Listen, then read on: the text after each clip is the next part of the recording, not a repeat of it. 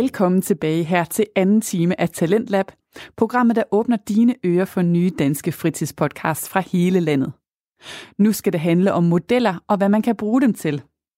Værterne Trine, Michael og Daniel præsenterer Serviceshowet, som er en debatterende videnspodcast.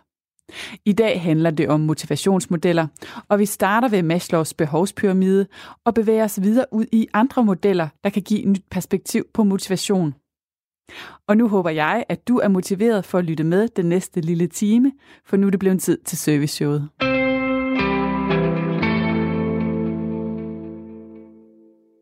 Velkommen til Serviceshowet, din debatterende videnspodcast. Dine tre værter, Trine, Daniel og Michael, debatterer modeller med fokus på, hvordan de anvendes i praksis. En podcastserie, hvor vi diskuterer modeller. Rigtig god fornøjelse. Hej og velkommen til. I dag der skal vi snakke om motivation og motivationsteori. Vi skal have vendt nogle forskellige teoretiske indgangsvinkler til, hvad det her motivationsteori er for noget, og så skal vi prøve at lægge det lidt ned over nogle dagligdags eksempler, både i relation til, hvordan man øh, fungerer på en arbejdsplads, men også hvordan at man i rent privat regi kan bruge det her motivationsteori. Velkommen til jer to. Tak. Tak, tak. Ja, selv tak. Øhm, vi har lidt nogle forskellige teoretikere, som vi har skrevet ned, og vi har aftalt i dag, at vi ikke øh, har delt vores tanker om det inden, så derfor så bliver det rigtig spændende at se, hvad vi skal i gang med at snakke om. Men grundlæggende, hvad er motivationsteori så for noget? Ja, motivationsteori, det er jo den teori, som ligger ned over det, at man undersøger, hvordan man motiverer og ja. bliver motiveret. Og det kan man jo gøre på rigtig, rigtig mange forskellige måder. Ja. Så det man måske kan tale om, det er, hvad er motivation? Hvad er det, motivation medvirker? Mm. Og motivation medvirker typisk, at man øh, gør noget, enten af sig selv, eller gør noget bedre, end man ville have gjort, hvis man ikke var motiveret. Ja. Øh, og det, det, det kan være svært det der med, netop hvis det er noget, man gerne selv vil, altså så er det ikke så svært, men hvis det er noget, man ikke selv vil, hvordan kan man så blive motiveret til det? Og der er jo mange, der formodentlig kender den følelse af, at man har nogle forskellige arbejdsopgaver, eller nogle forskellige gøremål, som man egentlig ikke er motiveret til. Og der kan man sige, der bliver motivationsteori i særdeleshed vigtig at ligesom vende. Når man er motiveret, så er det jo øh, knap så vigtigt. Det er selvfølgelig vigtigt at have fokus på, at man så bibeholder den motivation. Men der er nogle forskellige teoretikere. Tør I smide nogle af dem på bordet nu, eller skal vi øh, vente lidt med det? Jeg tænker den al, altså, jeg tør godt lidt. Ja, den, den allerførste teoretiker, jeg faldt over, det var Maslows ja. behovspyramide, ikke? Ja. Ja, og kan vi lige prøve at sætte scenen, fordi det er en rigtig gammel teori, ikke? og der er et isbjerg, skal man forestille sig, foran sig. Og det der i virkeligheden er, det er, det er inddelt i nogle forskellige øh, kasser, så nedefra der starter vi med nogle fysiologiske behov, og så bevæger man sig opad, så er der noget omkring sikkerhed, så er der noget socialt, så er der et ego-behov, og så øverst der har man et selvrealiseringsbehov. Og så kan man sige, at den her model, den er som sagt rigtig gammel, og rigtig gammel, det er over 70 år. Mm. Og øh, det, der så er vigtigt at sige, det er, at den her model, den kan også anskues lidt forskelligt, afhængig af, hvad for en kultur man er i, og hvad for en type af samfund man har. Vi har et samfund i Danmark, hvor de fleste af de nedre kasser, altså det her omkring sikkerhed og det fysiologiske, til dels det sociale, det er dækket nærmest per automatik, og derfor så er vi oppe i de her øverste lag, hvor det er noget ego og noget selvrealisering. Og du siger, det var den første, du faldt over, da du ligesom undersøgte lidt omkring det her med, hvad motivationsteori er for noget. Og, og hvorfor tror du, det er den første? Hvad For det første, så er det nok den, der er mest anvendt og, og mest kendt, fordi den er så nem at håndtere. Ja, det er den nemlig. Øhm, og derudover, også da jeg sad og, og kiggede på den igen, der tænkte jeg også, at, at i virkeligheden ofte dem, som vi motiverer, vi motiverer, hvis man skal snakke om Danmark, så er det jo ofte dem, der ligger i toppen. Ja. Øh, og det, det er folk, der gerne vil selvre- selvrealiseres, og, og det er måske en svær målgruppe at håndtere. Jamen, det er da super svært. Ja, fordi det er nemlig, når man taler om Maslow, så er det jo det her med, at den er jo lidt opdelt i to dele, altså de nederste tre og de øverste to. Ja. Øh, og de nederste tre, det er nogen, som man kan sige er negative på den måde, hvis de ikke er opfyldt jamen så, så, så er det negativt. Hvorimod de to øverste, det er, hvis du går mod at opfylde dem, så er det, du taler motivation. Mm. Øh, så det er heroppe, hvor vi begynder at tale motivationsteori. Øh, når du kigger netop på, er det dit ego, eller er det selvrealisering, man, man er inde over her. Ja, og grænsen derimellem er også meget fin, ikke? og man ja. kan jo godt tænke på den her model lidt som en trappe. Altså man skal have de behov dækket, der er nedenunder, for at du kan komme længere op. Og så ved jeg, at øh, du, Mimo, har meget øh, fokus på det her med, øh, hvad forskellen er mellem egobehovet og selvrealisering. Fordi det er en, en svær balance, fordi hvad er det at være ego og selvrealiserende? Jamen, der er en, der er en meget klar, øh, klar øh, forskel på, hvorvidt det er ego eller ja, om det er selvrealisering. Ja, ja som, godt. Som du sagde, så jeg gentager ja. lige, hvad det er, du, har, du, du lige har sagt, hvis ja. får sætte ind. Men det, det der er, det er, at egobehovet, det er meget fokuseret på, øh, at man fremstår godt over for andre. Altså man kan sige, det er en eller anden form for ydre motivation ja. et eller andet sted, hvor man ligesom skal, øh, man skal fremstå godt udad til. Ja, man vil gerne vise det til ja. andre. Så hvorimod selvrealisering, det er, hvor man ligesom tager sine inderste øh, drømme og ønsker ud, og så prøver at udføre dem. Ikke fordi man skal se godt ud over for andre, men fordi at man gerne selv vil. Øh, så man kan sige, jeg plejer at bruge det her eksempel med, øh, med et maratonløb. Ja. Øh, hvor man kan anskue det faktisk på begge måder. Ja. Man kan deltage i et maratonløb og gennemføre det, fordi man så efterfølgende kan gå ud og sige til andre, jeg gennemførte et maratonløb. Ja. Var det ikke flot af mig? Ja. Så dækker du helt klart dit ego-behov. Men hvis man går ud og så siger, jamen jeg siger til sig selv, jeg vil egentlig gerne gennemføre det her maratonløb, bare fordi jeg vil bevise over for mig selv, at jeg kan. Mm. Så er du oppe i selvrealiseringen. Ja, så man kan vel også godt sige, at dem, der for eksempel er meget fokuseret på, hvor hurtigt de løber det her, hvad gør de? Er det, er det egobehovet, de skal dække, eller er det selvrealiseringen? Men det kommer an på, hvem de vil sige det til. Ja, men det er det, jeg mener. Men hvis du er sådan en, der har løbet mange maraton, så du gerne vil slå din personlige bedste, og du ligesom skal... Ja, kan, kan det ikke være begge dele, tænker jeg? Det kan begge dele, men der vil jeg umiddelbart sige, at det er selvrealisering. Fordi ja. du vil gøre det så godt, som du kan. Ja, jeg vil sige, at det var egoet. Fordi du vil sige til andre, du Ja, fordi du skal ud og vise, at prøv at se, hvor god jeg var. Og jeg slog min personlige bedste, og det er dem, der hele tiden skal snakke om, hvor godt det gik. Og jeg vil, jeg vil sige, at det er begge. Det er ja, begge dele, vi er Det er klart, men du slår dig jo tit på at, at ligesom sige, at det er det hele. Så på den måde, så synes jeg, det er okay. Men kan du folde det lidt ud, hvorfor det er begge ting? Mm, fordi øh, jeg tænker, der er ikke nogen, der løber i så højt plan, uden at man både vil dække det ene og det andet behov. Altså, det kræver jo rigtig, rigtig meget. Jeg tror heller ikke, der, altså, jeg tror ikke, der er nogen løbere, som der har, at de har vel alle sammen et andet selvrealiseringsbehov. Har de ikke det? Jamen, er det ikke derfor, man starter? Jo, jeg vil da helt godt. Jo, det, det vil jeg da nok tro. Og så bliver man jo også motiveret af, at jo mere man siger det til andre, altså det er jo, det er jo sådan lidt en, en, en god cirkel, hvis mm. man kan sige det. Ikke? Jo mere man siger det til andre, jo mere motiveret bliver man ofte. Altså, jeg har, jeg har lidt... Hvis nu man abonnerer på den her app, der hedder Endomondo, ja. Øh, så kan man jo lidt skære det på den måde at sige, hvis du hele tiden poster, hvor du har løbet, hvor langt du har løbet, mm. så er det jo lidt egobehovet, man taler om. Ikke? Ja. Og så bliver du irriterende. Ja, så bliver, nemlig så bliver man irriterende. Øh, hvorimod, hvis du ikke poster det hele tiden, så er det nok længere hen i det her selvrealisering. Ja. Men det er jo det, er jo det her, det her med øh, egobehovet, typisk har noget at gøre med, at man fortæller det til ham. Ja, lige præcis. Man skal ud og vise det, ikke? og jeg går med på din præmis, Trine, om, at det her er selvfølgelig en vekselvirkning mellem begge to. Der er nok de færreste, der kun løber et maraton for ligesom egobehovsmæssigt at vise til andre, at det kunne de godt, og hvor gode de var til det. Altså selvfølgelig så bliver de også glade for det, når de sidder derhjemme med deres vabler og øh, tager løbeskoene af. Så det er helt sikkert. Og jeg synes også, at eksemplet er rigtig godt til ligesom at vise, hvordan at de nederste behov skal være dækket. Fordi hvis vi lige tager dem med, så er det klart, at hvis der er noget fysiologisk, som ikke ligesom er i orden, altså får man ikke nok mad, får man ikke nok søvn, så bliver det allerede svært der at begive sig hen i tankerne, der hedder, at jeg vil gerne løbe et maratonløb. Mm. Og så kan man sige, at det er jo lidt det samme med sikkerhedsbehovene. Det er jo øh, de færreste steder, der bliver afviklet maraton, hvor sikkerhedsforholdene ikke er i orden. Øh, så på den måde, så skal de her behov ligesom være dækket, for at man kommer længere op i den her øh, stige. Ja. Men, men alt i alt så er det en af de meget brugte og meget nemt anvendelige modeller i forhold til, når man kigger på sin, øh, på sin, øh, på sin personlige behov og på sin personlige motivation. Der er Maslows behovspyramide meget anvendelig. Og den passer lidt ind i alt. Ikke? Ja. Også fordi det er jo vigtigt, at du er tanket op, før at vi kan begynde at kigge andre steder. Ja. Fordi alle de andre teorier, jeg så kommer ind på bagefter, det handler meget om teorier på en arbejdsplads. Åh oh, gud, sikkert en teaser. Alle de andre teorier, du kommer ind med, det lyder rigtig, rigtig spændende. Men øh, i forhold til den her Maslow, er der så mere, vi lige skal knytte på nu? Altså fordi det er jo netop, som du siger, en god nem anvendelig teori. Og så startede jeg også med at sige, at det kan have noget at gøre med den øh, kultur og de lande, man befinder sig i, i forhold til, hvordan man anskuer den. Vi startede med at sætte scenen til at sige, at det ligesom er et isbjerg. Og så er det meget øh, populært nu i 2020 at sige, at man måske i Danmark kan vende isbjerget på hovedet, fordi at de nederste behov i virkeligheden er dem, der er smallest, og øverst er det der, hvor vi rigtig skal folde os ud. Og det er jo fordi, vi lever i den velfærdssamfund, vi gør, hvor der er mulighed for, at man kan folde sig ud. Altså så på den måde kan man vel godt sige, at vi egentlig ikke bruger modellen sådan helt efter hensigten mere i dansk regi, i hvert fald i privat regi, eller hvad? Det kommer lidt an på, hvordan du, hvad, nu kigger du på det visuelle modellen. Ja, det gør jeg. Om du kigger på den ene eller den anden måde. Men der kan man sige, det kommer lidt an på, hvordan du anskuer den, fordi du kan godt sige, hvis du kigger på fokusdelen, mm.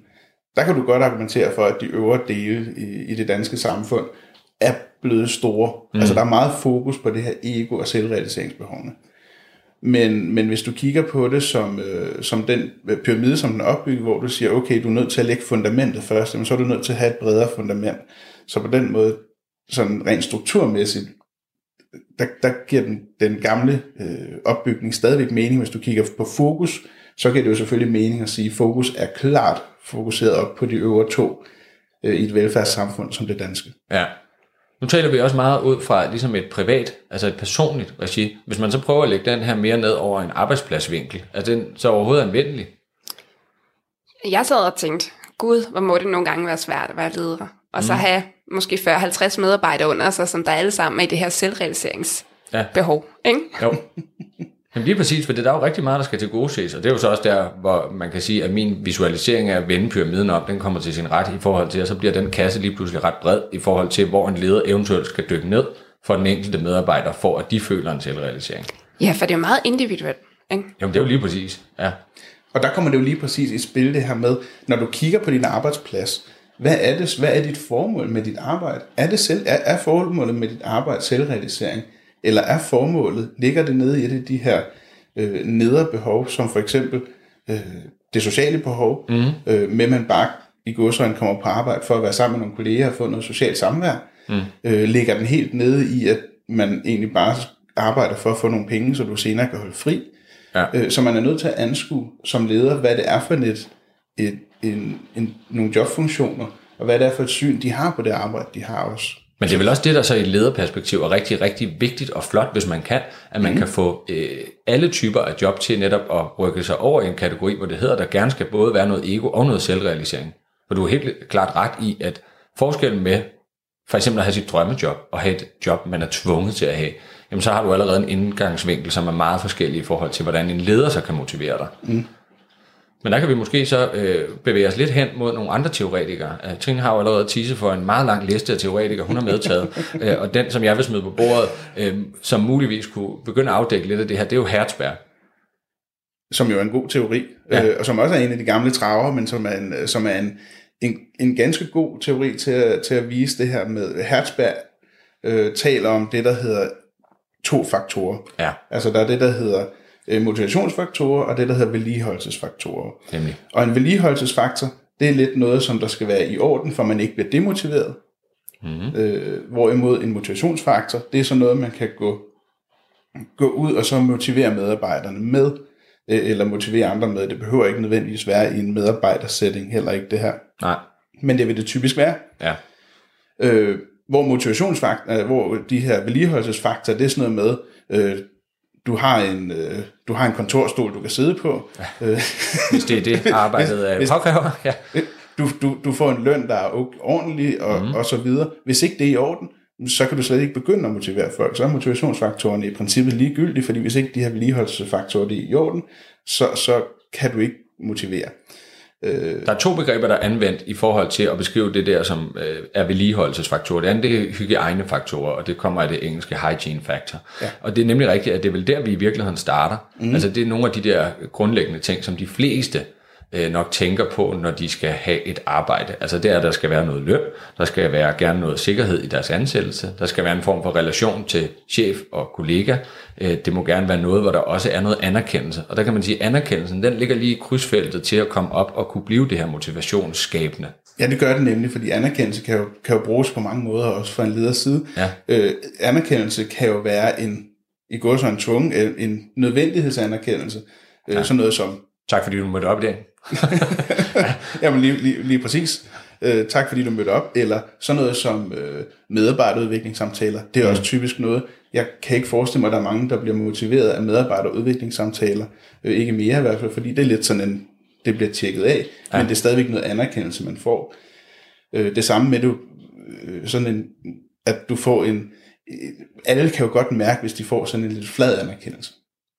Altså man kan sige, lige for at tage den der med medarbejderudviklingssamtale, så, så kan du til dels godt have ret. Og, og det der vil er problemet, det er vel, hvis man har meget fokus i det på, hvad det er for nogle vedligeholdelsesfaktorer, som er til stede i ens arbejde. Fordi så bliver det jo netop det der, der er sådan lidt ligegyldigt blø, hvor man bare tjekker noget af i nogle kasser. Mm. Altså hvis lederen rent faktisk går ind og snakker om nogle af de her motivationsskabende faktorer, altså som Hertzberg for eksempel lister op som værende selve arbejdet, eller det ansvar du har, eller de præstationer du yder, jamen så kan det jo godt gå hen og blive noget, hvor du rent faktisk kan udskikke nogle retningslinjer for den næste periode ind til din næste samtale. Men problemet er vel netop, hvis man holder sig nede i det andet, og så siger, er du tilfreds med din løn? Nej, og det vil jeg altid sige. Ikke? Altså, er du tilfreds med din relation til mig som chef? Nej, vil jeg altså også sige. Og så bliver det jo et problem. Men det vigtigste her, det er vel, at den enkelte medarbejder kan se mening i at være der. Ja. Er det ikke det? Jo, men det er jo lige præcis det, men hvordan sørger man for, at det bliver meningsfuldt? Ja, den kom til at hænge. og der er det, man går ind og siger, jamen, det, det, hvorfor skal jeg blive hængende, hvis man kun kører på de her hygiejne øh, vedligeholdelsesfaktorer? Mm. Men så er der ikke noget, der får medarbejderen til at sige, okay, det her det er et fedt sted at være. Nej. Øh, og der kan man sige, så er der mange, som siger, øh, jamen løn, er det ikke noget, som får folk til at blive? Og nej, det er det princippet ikke. Det fede må jo egentlig være, hvis lederen har en idé og en retning, hvor lederen gerne vil hen. Mm. Og hvis lederen så helt snilt får plantet, som om det er medarbejderen, der får den idé, Mm. Så begynder medarbejderen jo at være mere motiveret, hvis det, medarbejderen føler, at det er egne idéer.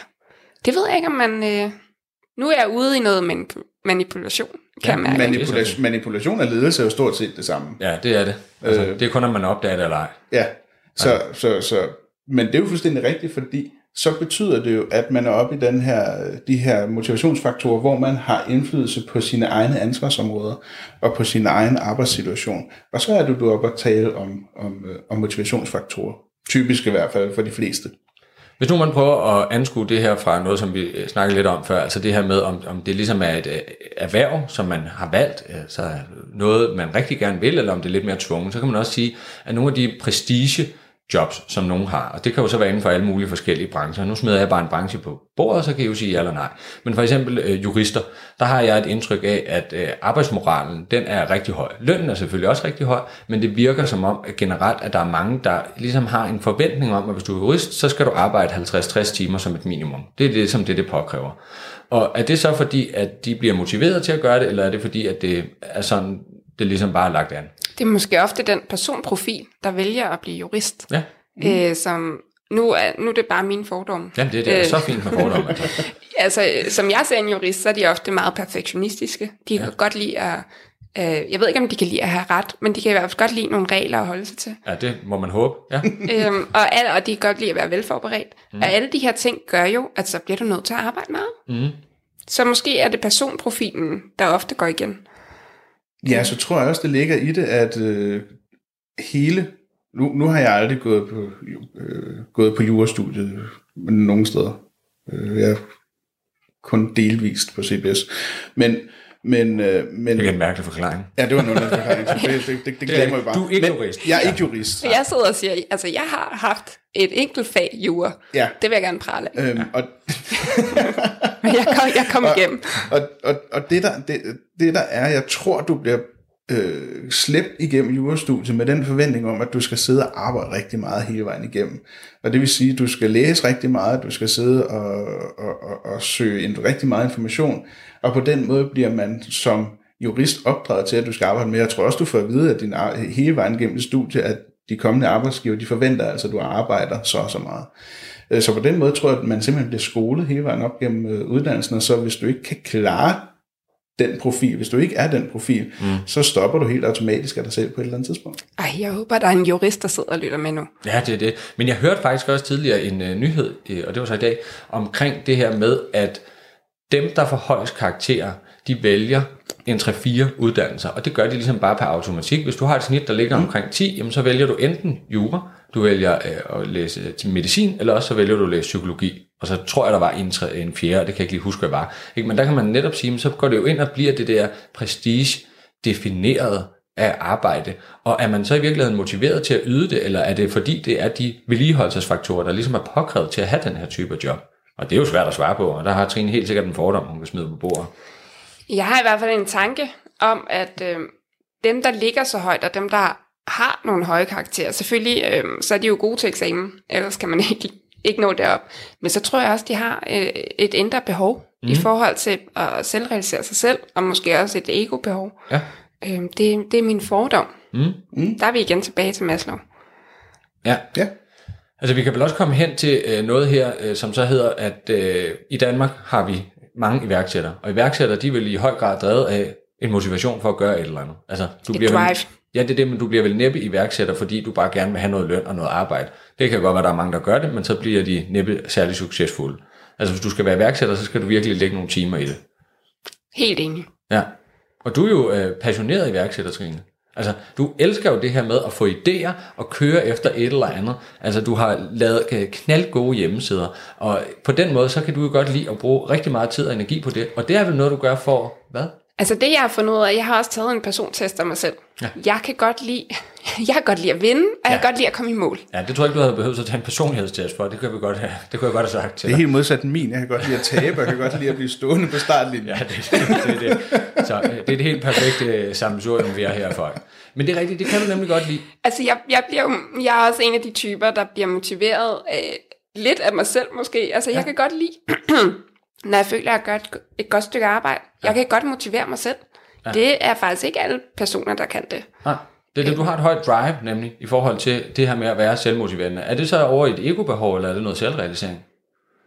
Eller er det begge ting? For Jeg tror, det er begge, ja. Ja, Jeg kan godt lide at blande det hele sammen. Men det er jo også begge ting, fordi det er jo en trappestige, som vi startede mm. med at sige, så selvfølgelig så er det først et ego-behov, du skal dække, men så er der vel også en form Jeg for tror, det selvrealisering. er mere selvrealisering, end det egentlig er et ego-behov. Ja. Altså det er ikke fordi, jeg synes, det er lidt pinligt at gå ud og sige til folk, prøv at se, hvad jeg lavede. Nå gud, jeg synes altid, du snakker om det. Ja, okay, så Er det, er, er det ikke et selvrealiseringsbehov, som så går hen og bliver lidt et ego-behov, når, når du så har lavet det rigtig godt, så tænker man, så kan folk godt se det. Det er det, og så går du tilbage og så det er. siger, ej, prøv at gå ind og se på serviceshop.dk, en lækker hjemmeside, jeg har lavet.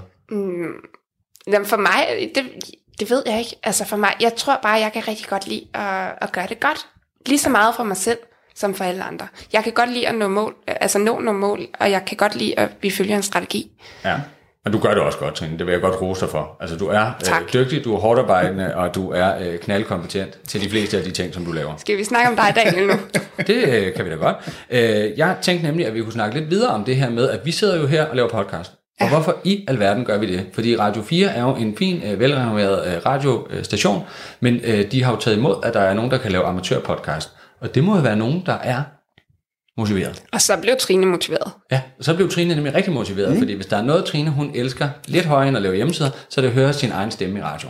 Nej, det er ikke helt rigtigt. Men hvorfor er det altså, øh, så, at der er mange, der gider at lave de her amatørpodcast? Hvorfor gider, altså, hvorfor gider vi? Ja, hvorfor gider vi? Jamen, det er jo fordi, øh, når man laver podcast, så er det fordi, man har noget på sinde, som man gerne vil udtrykke. Ja, det og mener også Kasper plejer at sige i introen. Og det tror jeg da også er, er det, som alle dem, som laver podcast, gør. Du sætter dig ikke ned og laver en podcast, hvis du ikke har noget, som du gerne vil udtrykke til andre, som du ikke føler, andre kan have behov for at vide. Nej.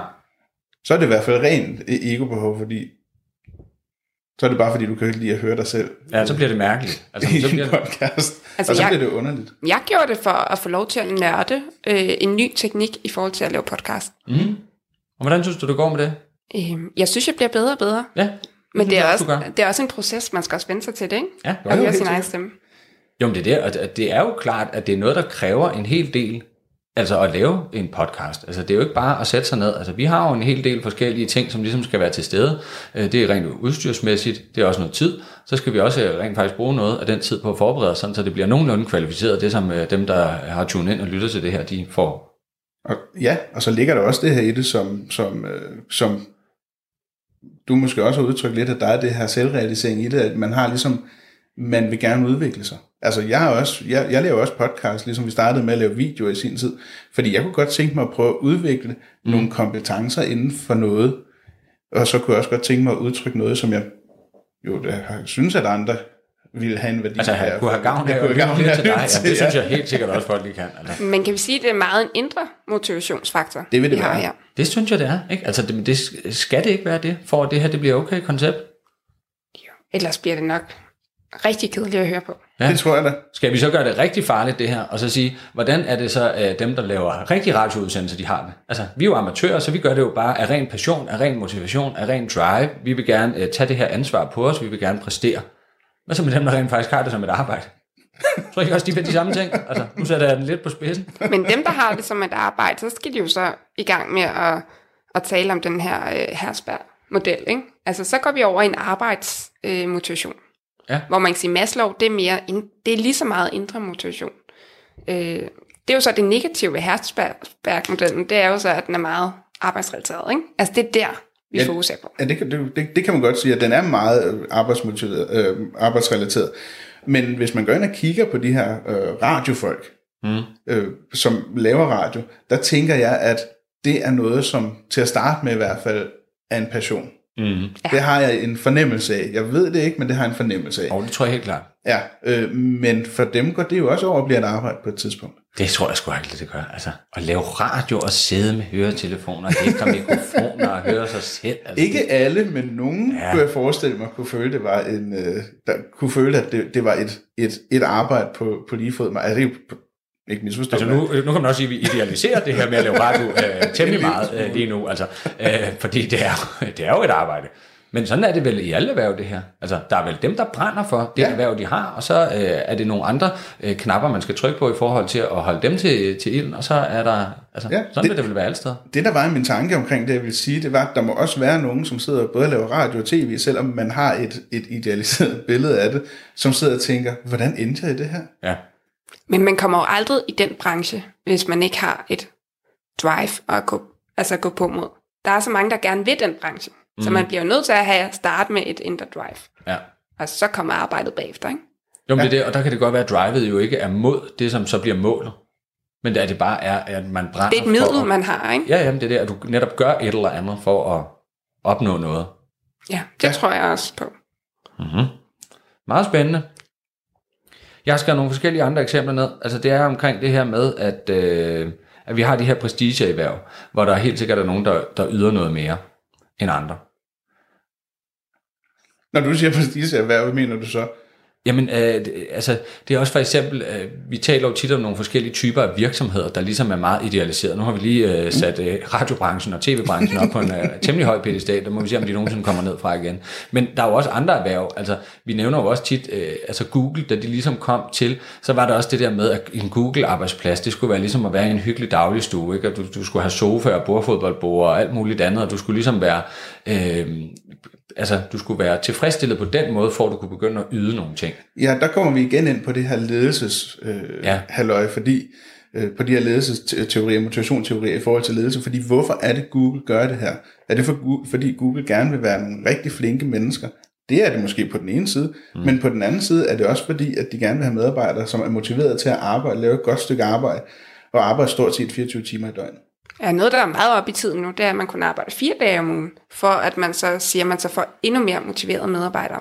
Ja, Ved Google? Nej, Nej, jeg, altså, ej, det- ikke ved Google. Nu tænker jeg sådan mere generelt. Altså, ja. hvad er det for en... Altså, hvor er vi på vej hen? Ja. Vi er jo på vej hen. Hvordan kan vi motivere de her medarbejdere endnu mere? Øh, Vi kan sørge for at få vasket deres tøj. Det gør man hos Google. Det har jeg været misundelig på lige siden. Gud. Det Ja. lyder altså også lækkert. Men, men når nu vi tager det her Google-eksempel ind, så er det jo igen, fordi de, de lader folk gøre det, som de er passionerede for. Ja. Altså de kan sidde, mange, af- øh, mange af dem, som de gerne vil, vil, vil, vil motivere, det er jo dem, som sidder og koder. Og dem, der sidder og koder, de synes, det er utroligt spændende at sidde og kode. Så derfor så sørger Google for, at alt rundt omkring dem, det er ordnet. Så derfor så er det det eneste, de behøver at fokusere på. Så derfor kan de lave det, de synes, der er sjovt, men de laver det rigtig meget, rigtig godt så. Altså det er derfor, de gerne vil motivere. Det er i hvert fald mit indtryk. Og så. Google er også rigtig gode til at få medarbejderne til at komme med et, deres eget drive og mm. deres egne idéer. Og så får de lov til at løbe med bolden. Altså hvis det giver mening selvfølgelig, ikke? Ja, det er jo fordi, nu kommer jeg også i sådan noget hearsay, fordi jeg mener også, at jeg har hørt noget omkring af Google, at, at man skal bruge x antal procent af sin tid på selvbestaltede projekter. Ja. Øh, At det er en del af, af ens arbejdsforhold, at du skal bruge så og så meget tid på at, at lave noget, du selv synes er interessant. Ja, og det virker jo også øh, meget fornuftigt i relation til, at man er motiveret til at gøre det. Ja. At man forhåbentlig selv har fundet på noget, som man så synes er en god idé. Ja. Trine, du har også nævnt et par gange det her med noget indre og ydre motivation over for hinanden. Ja. Ja, altså, men hvad er, hvad er forskellen på det her? Altså indre mot- motivation, det er jo den, der, der stammer fra en selv. Det mm. siger sig selv. Ja, det, Ydre motivation, det er jo lige så meget, her tænker jeg også meget på arbejdspladsen. Hvad er det for nogle rammer, medarbejderne har at arbejde inde i? Øhm, er der styr på alle de her, er der styr på løn, er der styr på øh, kontrakt, er der styr på øh, gode kollegaer, øhm, og så videre. Det er jo nogle ting, der gør, at den indre motivation så kan vokse. Ja. Ja. Så, så det du lige sagde, det har ikke noget med den indre motivation at gøre. Det er faktisk de ting, der er den ydre motivation. Altså netop ja. det her med penge, bonusser, ros, anerkendelse. Det har ikke ja. nogen betydning. For den indre motivation. Det er det, der sætter rammerne som den ydre motivation. Jamen, det har vel en betydning? Ja, ja, selvfølgelig har det en betydning, men jeg mener, det er ikke det, at vi definerer den indre motivation. Nej, nej, det er inden for en selv. Ja. Så den, indre, den ydre motivation, den, den, ydre motiv, den indre motivation, det er, hvis jeg går i gang, hvis, hvis jeg skal lave en arbejdsopgave, som jeg brænder for, mm. så, så er det en, en indre motivation for at komme i gang med den arbejdsopgave og få færdiggjort den arbejdsopgave. Hvorimod, hvis der så kommer ind og giver mig en deadline, så hvis ikke du er færdig på det her tidspunkt, så bliver du fyret. så kommer der lige pludselig en uh, ydre motivationsfaktor ind i billedet. Ikke? Ja. Og den kan bremse den her, dig, måske. Ja. Øh, så, så, så, men det er stadig en ydre motivation, for hvis ikke du er færdig om 14 dage, så bliver du fyret. Ja. Så derfor I hvert fald en konsekvens. Relativt motiveret til at blive færdig ja, det må med den sige. arbejdsopgave. Så det vil egentlig sat på spidsen forskellen på indre og ydre motivation.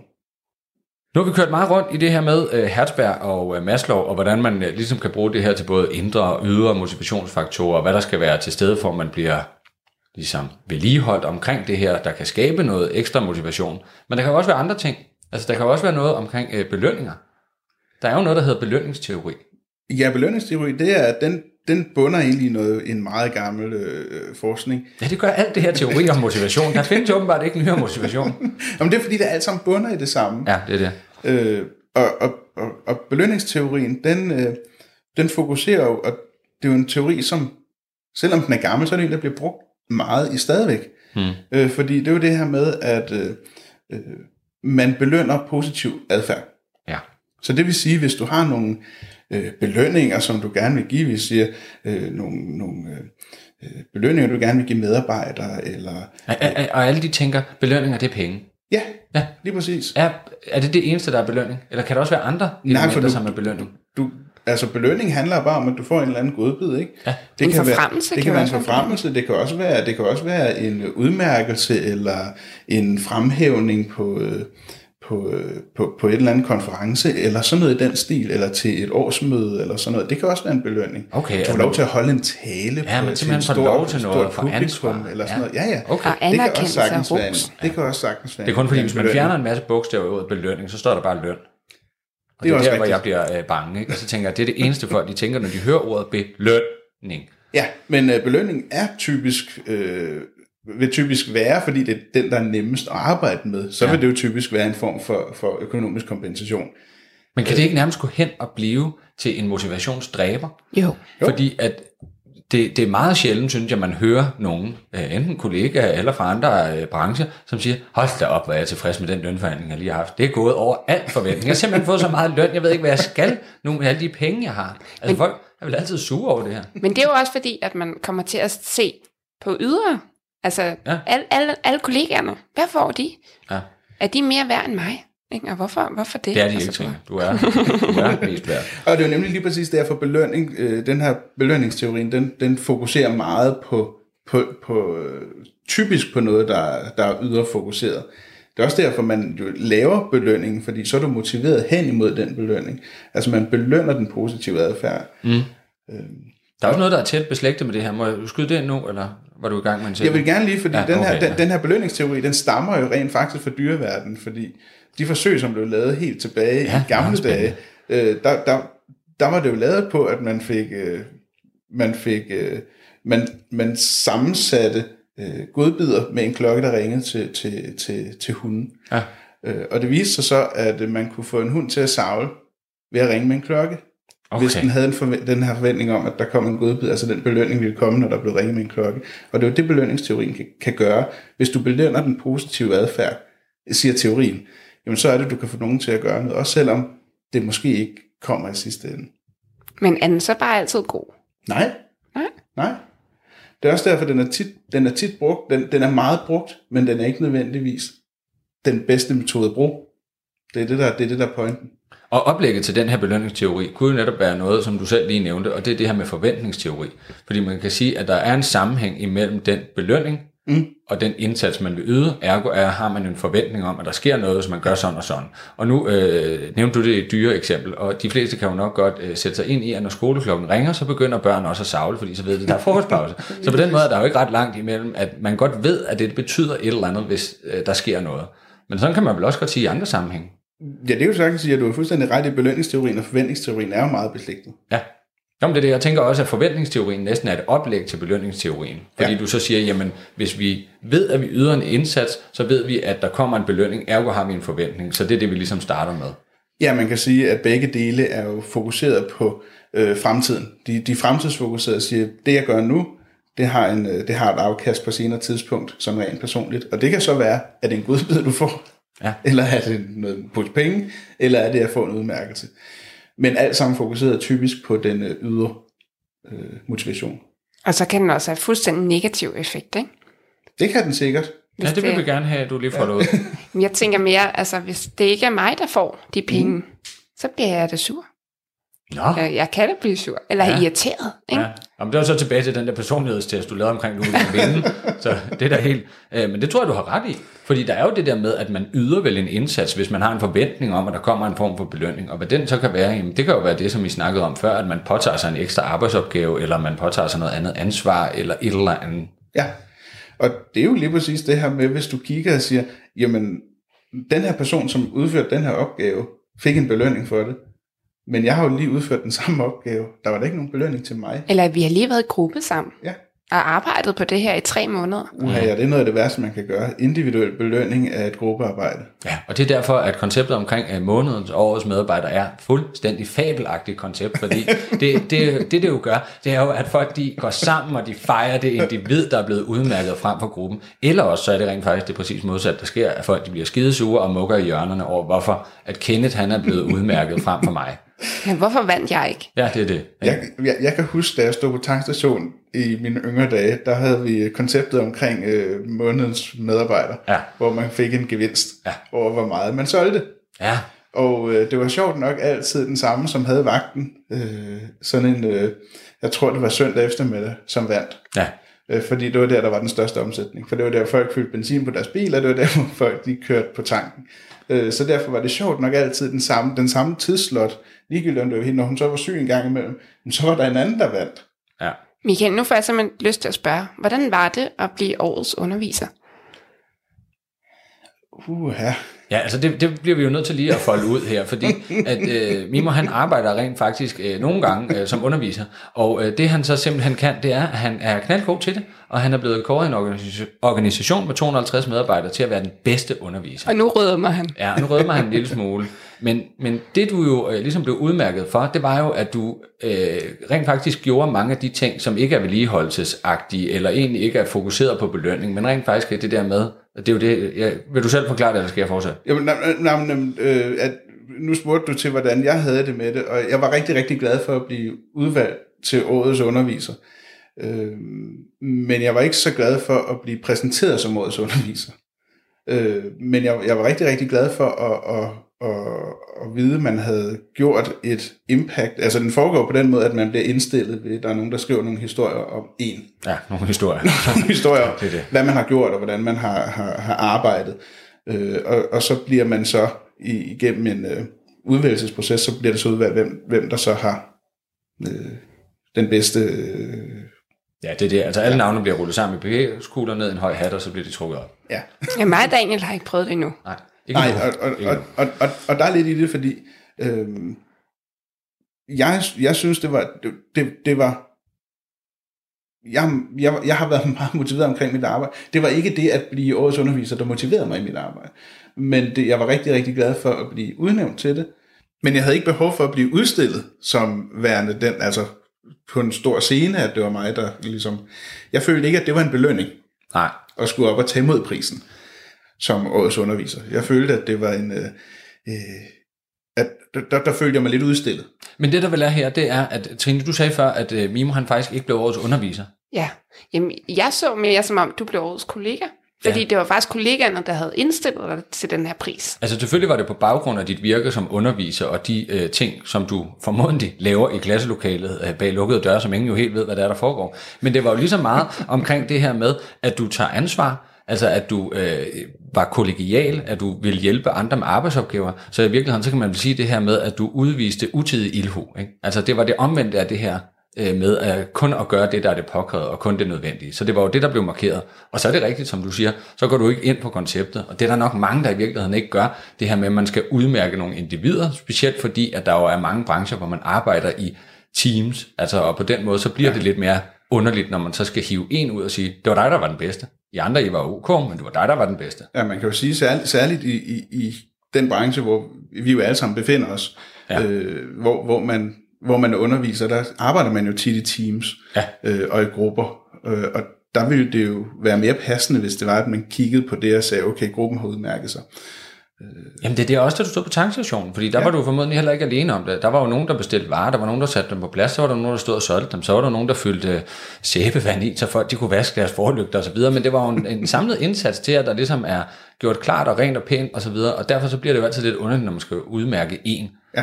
Men der er jo også øh, brancher, altså, hvor man virkelig dyrker det her. Ikke? Altså, der er jo for eksempel de her phoner-brancher, hvor det jo øh, er øh, i et stort fælles øh, kontor, og så er der en klokke og en tavle, og så gælder det simpelthen bare om at ringe op til herre fru Jensen og sælge alt muligt mærkeligt. Løb op og ringe med den klokke, lige så snart det lykkedes, blev skrevet på et eller andet, så kører der noget højt dunkemusik i baggrunden, sådan så man ved, at om lidt så har du vundet et øh, gratis drinks på Crazy Daisy på fredag. og det er det, der ligesom motiverer den type af medarbejdere, der er der. Og det er nok derfor, det ikke er 50-årige mænd, der sidder der, men måske mere øh, 20-årige mænd. Altså, og det var så øh, lidt nogle af mine fordomme. Og så kan vi så sige, jamen er belønningsteorien så også anvendt her? Formodentlig. Ja, det må man da sige. Nej. Ja, altså, høj grad. Ja, i høj grad i phoner-branchen, der er, det jo, der er det jo belønningsteori, du kører benhårdt på. Og ja, og, og med afsæt i den der forventningsteori, ja. også om, at de også har en forventning om, at hvis jeg gør sådan, så ja. kommer der den der. Men det er også det, jeg synes, der er rigtig interessant i det her eksempel med Michael. Ja. Altså, det var jo i høj grad belønningsteori, de kørte på. Det virkede bare ikke på dig. Det nej, virkede for, modsat, ikke? Nej, fordi jeg, jeg, jeg føler ikke, at at jeg føler, at belønningen var upassende. Ja. Øh, det er også ja. en af de priser, jeg helst ikke selv vil vinde. Der er forskel. Nej, det tror vi jo ikke på med afsæt i, hvordan du en vinder. Altså, vi ved jo godt, at det er jo derfor, du har bringet eksempler op nu. Det er den af på dig. Du vil simpelthen have vundet den pris. Men, men pointen er vel ikke, at du ikke vil vinde prisen. Nej, fordi det vil alle jo gerne. Alle vil jo gerne have det øh, ansvar. Alle vil jo gerne det, øh, ligesom udmærkes. Mm, men man vil bare ikke udstilles, vel? Ja, nej, man vil udstilles, men det er også mere det signal, den sender. Fordi når nu jeg går op og modtager prisen som årets underviser, så sidder der jo måske øh, 20, 40, 50 andre undervisere, som tænker, jeg har da gjort det lige så godt. Men det har de ikke. Men, men det, det, det, nej, selvfølgelig har de ikke det. Nej, selvfølgelig har de ikke Selvfølgelig har de ikke det. Men, men der vil jo altid være den der med, at, at der er en, som bliver belønnet. Og i og med, at du belønner en, jamen så er der andre, som jo ser sig som ubelønnet, kan man sige. Men det er også derfor, navnet skal ændres. Årets kollega er federe at vinde, fordi det, det, altså det siger noget om, man er kollegial, man øh, fagner fællesskabet. Årets underviser siger mere, du er god til at præstere. Men det, der var godt, da du vandt den, og det kan du jo altid trække dig tilbage og nyde dit otiumi, det var jo, at du vandt den, da du ikke vidste, den var der. Fordi den her pris blev jo først indført, til, at der skulle nomineres, da det pågældende år, hvor du blev, nomineret, altså, hvor du blev kåret for, det ligesom var gået. Så på den måde, så var det jo ikke noget, du skulle leve op til. Altså nu kan man sige, Trine, hun ved det jo. Hun går hver dag og tænker, jeg skal yde det her, og jeg tager det ansvar, og jeg hjælper mine kollegaer, og jeg yder den her gode undervisning. Og det er det eneste, hun ligesom går mod, det er, at hun kan blive årets underviser. Hold da op en podcast, hva'? Ja, nej, men det, det der er, det er jo, at, at der er jo netop en forskel, fordi at det var ikke, du havde ikke noget forventning om, at du skulle belønnes for at gøre det der. Derfor så kan man sige, at det var ikke det, der ligesom var i højsædet. Jeg gjorde bare mit arbejde. Ja, det er meget ydmygt, det er flot. Men og vi, vi er ude i det her med lige nu, øh, nogle begreber, som øh, Trine hun har forklaret mig om, og det er det her med en motivationsstræber, eller en motivationsstræber. Og du kaldte en motivationsstræber for en nej-hat Ja. Men man kan sige, hvad er en motivationsstræber? Det er dig, der har smidt det på bordet, Trine. Det er vel dem, der, der virkelig går efter det. Jamen, det er vel også folk, der er gode til at blive motiveret, motiveret af sig selv. Mm. Det skal vi altså også huske. I forhold til personen, det er jo ikke alle personer, der kan motivere, motivere sig selv. Nej. Men en motivationsstræber, øh, hvad er det for en type? Jamen en motivationsstræber, det er jo sådan en, som sætter sig ned rent faktisk og kigger på, har en person med meget selvindsigt, som sætter sig ned og siger, okay, hvad er det, der motiverer mig? Og så går benhårdt efter egentlig at fokusere på de ting, som motiverer den person. Ja. Øhm, så der kræver en hel del selverkendelse og en hel del analysearbejde bag det i forhold til din egen person. Øh, hvorvidt at man, hvad, hvilken, hvad det egentlig er, der motiverer en, og så gå benhårdt efter og, og, og rent faktisk arbejde ved kun at motivere sig selv. Hvad hvis man er en af dem, som der ikke kan motivere sig selv ved så er at lave et ikke en arbejde? motivationsstræber. Nej, hun så er det motivationsdræber. Men det er der, hvor vi kommer tilbage til det her omkring øh, ledelse, altså og hvordan man er en leder. Og der kan man sige, det er jo i- nært beslægtet med det her omkring motivation, men det er alligevel en helt anden boldgade, ikke? fordi der kan man sige, at det kommer an på branchen, det kommer an på typen af medarbejdere, det kommer så an på, hvad for en type af leder du kan være, og hvad du bør være. Men hvordan kan en leder motiv- motivere en, en medarbejder, som der bare ikke er motiveret i sit arbejde? Jamen spørgsmålet er jo, om det er nødvendigt at være motiveret, så der må vi jo så til, måske snakke om, hvad er det for en type af job? Altså hvad er det for en type af indgangsvinkel, der er til at bestride det job? Men det er vel altid nødvendigt at være så motiveret, at man møder op på sit arbejde. Er det ikke Jamen, det? noget af det, som Jo. for, for, den gamle forskning har vist, Ja. Ja, du har meget med gamle i dag, det er fint.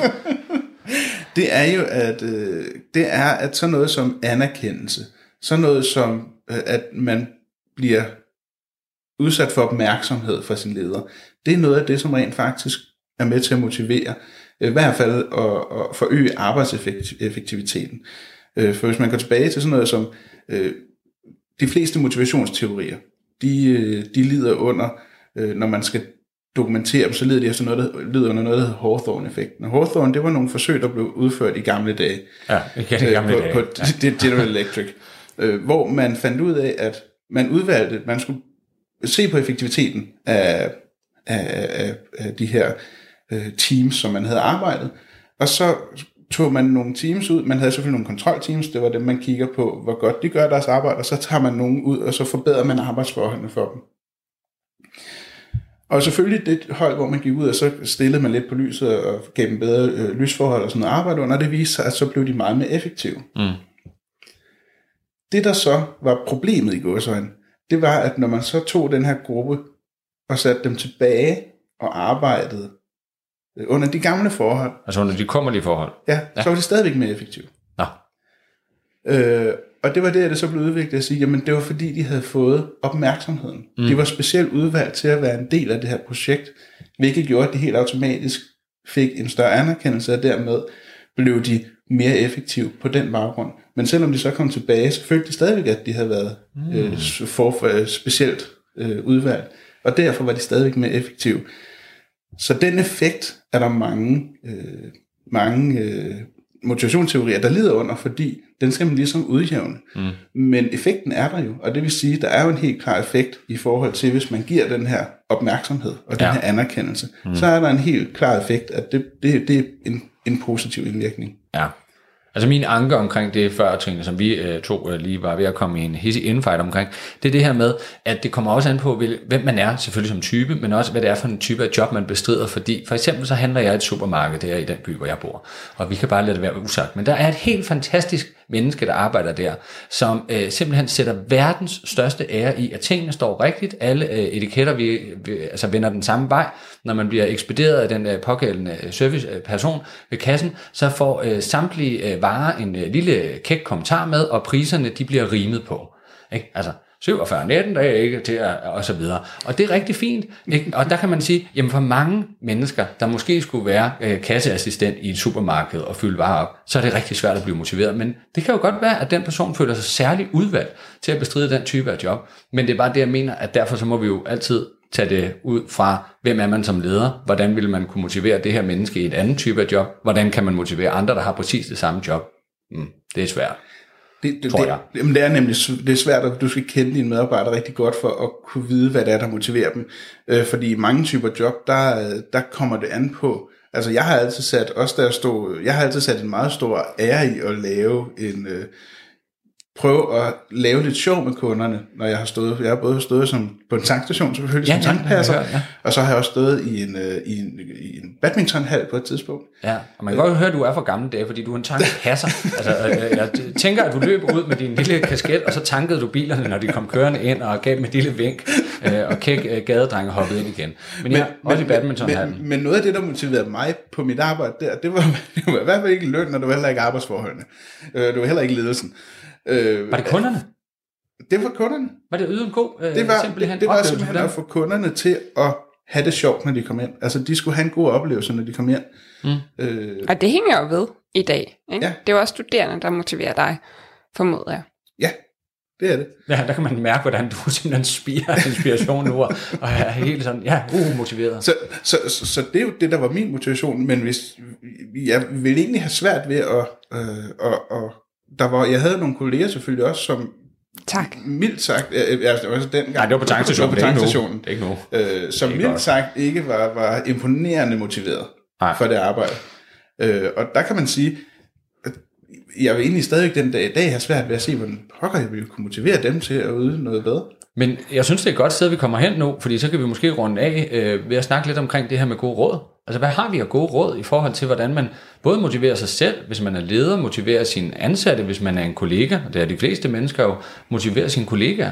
Altså lige i forhold til tankpasser-historien, der sidder jeg og tænker helt personligt, jeg har aldrig været så demotiveret af at arbejde på en tank. Nå, har du også arbejdet på en Ja, tankstation? to gange. Ja. Første altså to gang- dage, eller to, dage. to, to af omgang? Nej, to dage. To dage, ja, okay. Første dag, der var det nyt og spændende. Anden dag, der sagde jeg op. Ja, okay. Var det to dage i træk, eller var der nogle dage ind imellem? Men der var en uge indimellem. Nå, okay, ja. Så du havde haft lidt betænkningstid. Men der, der ja. kunne du ikke blive motiveret. Nej. Nej, Og, og så, Så har jeg jo det, så... det var en af mine kolleger. det kan jo godt være. Gud, hvor mærkeligt. Men, men så igen, altså det er jo, så det er jo individuelt. Det der med at sidde og, og analysere sig selv og finde ud af, hvad er det, der motiverer mig? Mm. For mig er det i høj grad arbejdsopgaverne. Ja. Og hvis jeg ikke kan komme i mål med dem, så gider jeg ikke. Nej, så, så er det vel ikke arbejdsopgaverne. Så er det vel målet for dig. At du kan se, der er et mål, at der er en mening med det, du laver. Ja, det, ja, Så hvis du skulle skrælle 10 ton kartofler, så ville du ikke gide at gøre det, for du kan aldrig se, at du kommer i mål. Hvis du skulle skrælle 2 kilo, så er du med på det, fordi så kan du se, om lidt af de gryden er færdige. I hvert fald, hvis jeg skulle, jeg skulle gøre det hurtigst. Ikke? Ja, det er klart, fordi du er tilbage. Du er konkurrencemennesket. Jeg, jeg, jeg tænker nemlig også, fordi du, du stod på en tank, du nåede at stå der to gange, men jeg har svært ved at se, hvordan man ikke kan nå at komme i mål med det der jobs på en tankstation. Men, men der kan man sige, det er også umuligt at motivere Trine til det, fordi det er, det helt, altså det er jo det helt ja. forkerte. Det er jo noget helt andet, du laver i dag. Selvfølgelig yder du stadigvæk en service i det, du laver, og den del af det kan du jo godt relatere til at være på en tankstation. Men alt det andet, det er jo ikke det, du vil.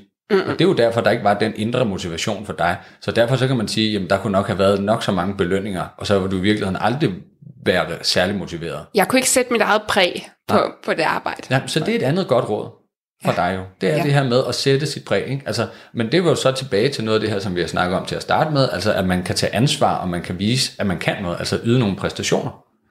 Så er det, er det det, der er vores gode råd, man skal gå efter der, hvor man mener, man kan tage ansvar og, og vise andre vejen? Finde ud af, hvad, hvad bliver du motiveret af? Hvad er det, der gør? Kender I ikke alle sammen den der følelse af, at man kan komme hjem og have haft en fantastisk dag? Og så prøv at analysere det. Hvad var det, der gjorde, at du havde det godt i kroppen, da du kom hjem? Ja. Ja, så lyder meget sådan coaching psykolog men det, det lyder rigtig flot. Det er det. Så altså, man skal sidde og lave noget selvrensagelse. Skal man finde ud af, om, øh, altså nu har vi også snakket lidt om Maslow, så den kan vi lige runde af på også. Der har vi jo snakket om, at vi befinder os meget i ego- og selvrealiseringsbehovet. Er det vigtigt at, at sige, om man skal gå efter noget, der er selvrealiserende? Altså, det er, jo, det er jo toppen i isbjerget, så det er vel der, vi skal give et godt råd om, at det, man skal tænke selvrealisering for, hvad man gerne vil. ja. Altså, det er, jo, ikke- det er jo ikke en dårlig sted at starte i hvert fald. At sige, hvad er det, man godt... Hvad, man skal altid fokusere på det, man godt vil. Ja. Det, man godt kunne tænke sig, og det, der motiverer en. Men man skal så også være så ærlig over for sig selv og sige, det er ikke nødvendigvis det, jeg tror, jeg gerne vil, som jeg egentlig gerne vil. Nej. Øhm, Altså, det er kringlet. Det kan være, du skal folde det lidt ud. Jeg, jeg er med på, hvad du mener. Jamen, det, det, det, der er arbejde, det kræver arbejde. Det kræver, at man sætter sig ned og, og ligesom finder ud af, okay, hvad, hvad, hvad er det, der motiverer mig? Det er ikke noget, som man nødvendigvis bare går rundt og ved. Man skal sætte sig ned, ligesom at tage en lille blog og skrive ned, hvad er det, der motiverer mig? Som, som, som Trine også siger, man skal sige, okay, hvad er det, der inden for den sidste uge for eksempel har løftet mig op? Og så huske tilbage på de ting. øh, eller hvad har løftet mig op i, i de sidste øh, måneder, og så se tilbage på, hvad, hvad er det egentlig, hvad er fælles for de her ting, som har gjort mig glad, og så skal man, øh, og så skal man ligesom finde ud af, hvad, hvilken retning bærer det hen? Er det derfor det her motivationssnak? Det var det vel. Altså held og lykke. Ja, Ja, held og lykke, held og lykke derude med at blive motiveret. Det har været rigtig hyggeligt at snakke om det her. Så tak fordi I lyttede med. Tak. Hej hej. Hej. Tak fordi du lyttede til Serviceshowet. Vi ses på serviceshowet.dk.